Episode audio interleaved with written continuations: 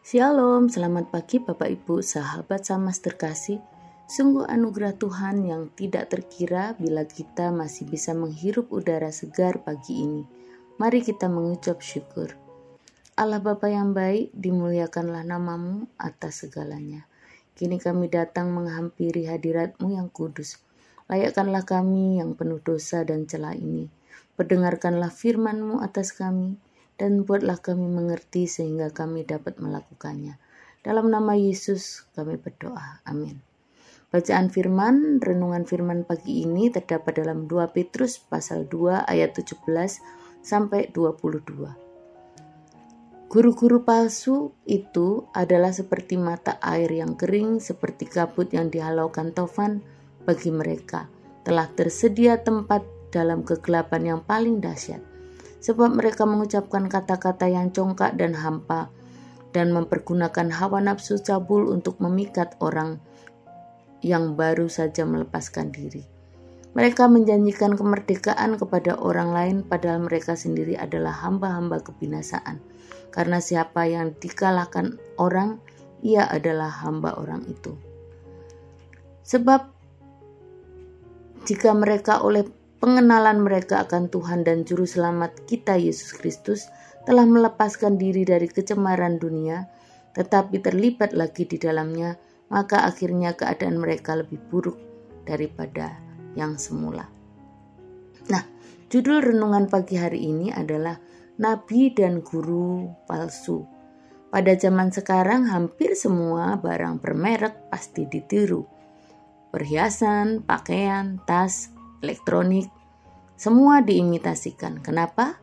Karena yang asli itu mahal, yang asli itu langka, atau bahkan tidak ditemui lagi.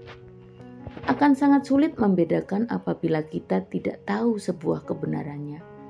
Yang benar-benar asli, yang seperti apa, itu yang perlu dikenali lebih dahulu. Jadi, tas yang mereknya asli, kita harus tahu dulu supaya tahu yang palsu. Begitu maksudnya. Nah, Bapak Ibu, kita tahu kalau ada yang palsu berarti pasti ada yang asli. Nah, di dalam Alkitab di sini dikatakan yang dipalsukan itu bukan barang, tetapi guru. Jadinya guru palsu begitu ceritanya. Nah, kira-kira apa yang diharuskan atau yang harus gereja Tuhan atau jemaat Tuhan lakukan dengan maraknya guru palsu ini? Bapak Ibu yang dikasih Tuhan, firman Tuhan ini sudah sangat jelas. Dia yang yang pertama e, memberikan memberitahu kepada kita tentang ciri-cirinya. Jadi, yang harus jemaat Tuhan atau gereja Tuhan tahu tentang e, guru palsu atau bukan, itu bisa dilihat nomor satu adalah ciri-cirinya. Apa yang kita harus gereja lakukan, jemaat Tuhan lakukan, yaitu harus tahu ciri-ciri. Nah, ciri-ciri guru palsu itu seperti apa? Di sini dikatakan guru palsu itu diumpamakan seperti mata air yang kering. Yang namanya mata air harusnya nyumber gitu ya, nyumber air, pusatnya air yang terus-menerus mengeluarkan air. Tapi di sini dikatakan kering, nggak ada airnya. Lalu ciri-cirinya apa?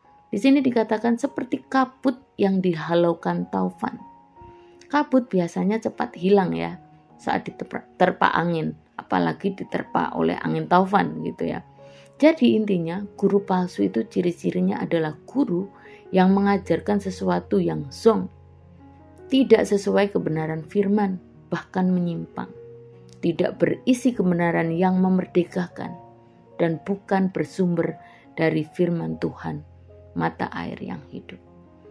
Nah, lalu bagaimana dong gitu ya. Apalagi yang harus gereja Tuhan lakukan uh, tentang guru palsu, maraknya guru palsu ini. Yang pertama tadi harus tahu ciri-cirinya. Yang kedua, caranya gimana? Supaya kita tahu barang itu palsu atau asli, kita harus tahu lebih dulu yang asli. Ya. Supaya kita tahu bahwa sesuatu itu benar atau salah, kita harus tahu lebih dahulu yang benar supaya mengerti, oh yang ini ternyata salah. Nah, mari kita belajar kebenaran firman Tuhan yang hidup. Di sana kita bisa menikmati mata air yang hidup, yang menyegarkan, yang menghidupkan. Oleh sebab itu, yang kedua, belajarlah yang rajin tentang firman Tuhan. Bukan hanya ilmu bumi, bukan hanya ilmu matematika, bukan hanya sesuatu yang sifatnya menguntungkan kita, tapi rajinlah belajar firman Tuhan. Di situ kebenaran Tuhan dinyatakan. Dari situ, saat kita tahu benar, maka kita tahu yang salah yang seperti apa. Saat firman Tuhan dibentangkan oleh hamba-hamba Tuhan, cermati, jangan malah tidur. Ya cermati saat firman Tuhan sampaikan supaya tahu kebenaran. Satu lagi jangan asal buka klik sana klik sini ya di YouTube. Karena apa? Kalau ilmu kita tentang firman Tuhan kurang kuat wah itu bahaya. Nanti kita lihat ada konsep begini wah bingung. Kok nggak sama dengan ini ya nggak sama dengan makanya kita harus filter ya uh, siapa yang memang uh, diperbolehkan mungkin ditanyakan kepada gembala yang bagus yang mana ya. Firman Tuhan yang ini disampaikan oleh orang hamba Tuhan yang mana ya. Bukan memilah-milah tentang siapa yang menyampaikan tapi dari situ kita tahu guru palsu atau tidak. Nah, pasti eh, Bapak Gembala dan juga mungkin rekan-rekan sepelayanan pasti akan memberi jawab oh ini diberi tahu ya. Mungkin uh, pengen klik seperti itu pengen klik di YouTube. Nah juga bagi kita yang menyampaikan firman Tuhan juga harus tetap di upgrade di upgrade loh ya. Maksudnya harus tetap belajar juga bagi hamba-hamba Tuhan pelayan-pelayan Tuhan. Bukannya stuck sampai di sini tetapi harus belajar belajar dan belajar karena ilmu selalu berkembang situasi juga selalu berubah. Maka para pembawa firman Tuhan juga harus belajar bersama. Mungkin sesama pelayan Tuhan saling mengisi, saling memberi masukan untuk peng kepentingan pengetahuan jemaat Tuhan akan firman Allah. Nah, Bapak Ibu yang dikasih Tuhan, guru palsu ada di mana-mana. Oleh sebab itu, ketahuilah ciri-cirinya itu nomor satu. Yang kedua, berpeganglah pada kebenaran firman Tuhan.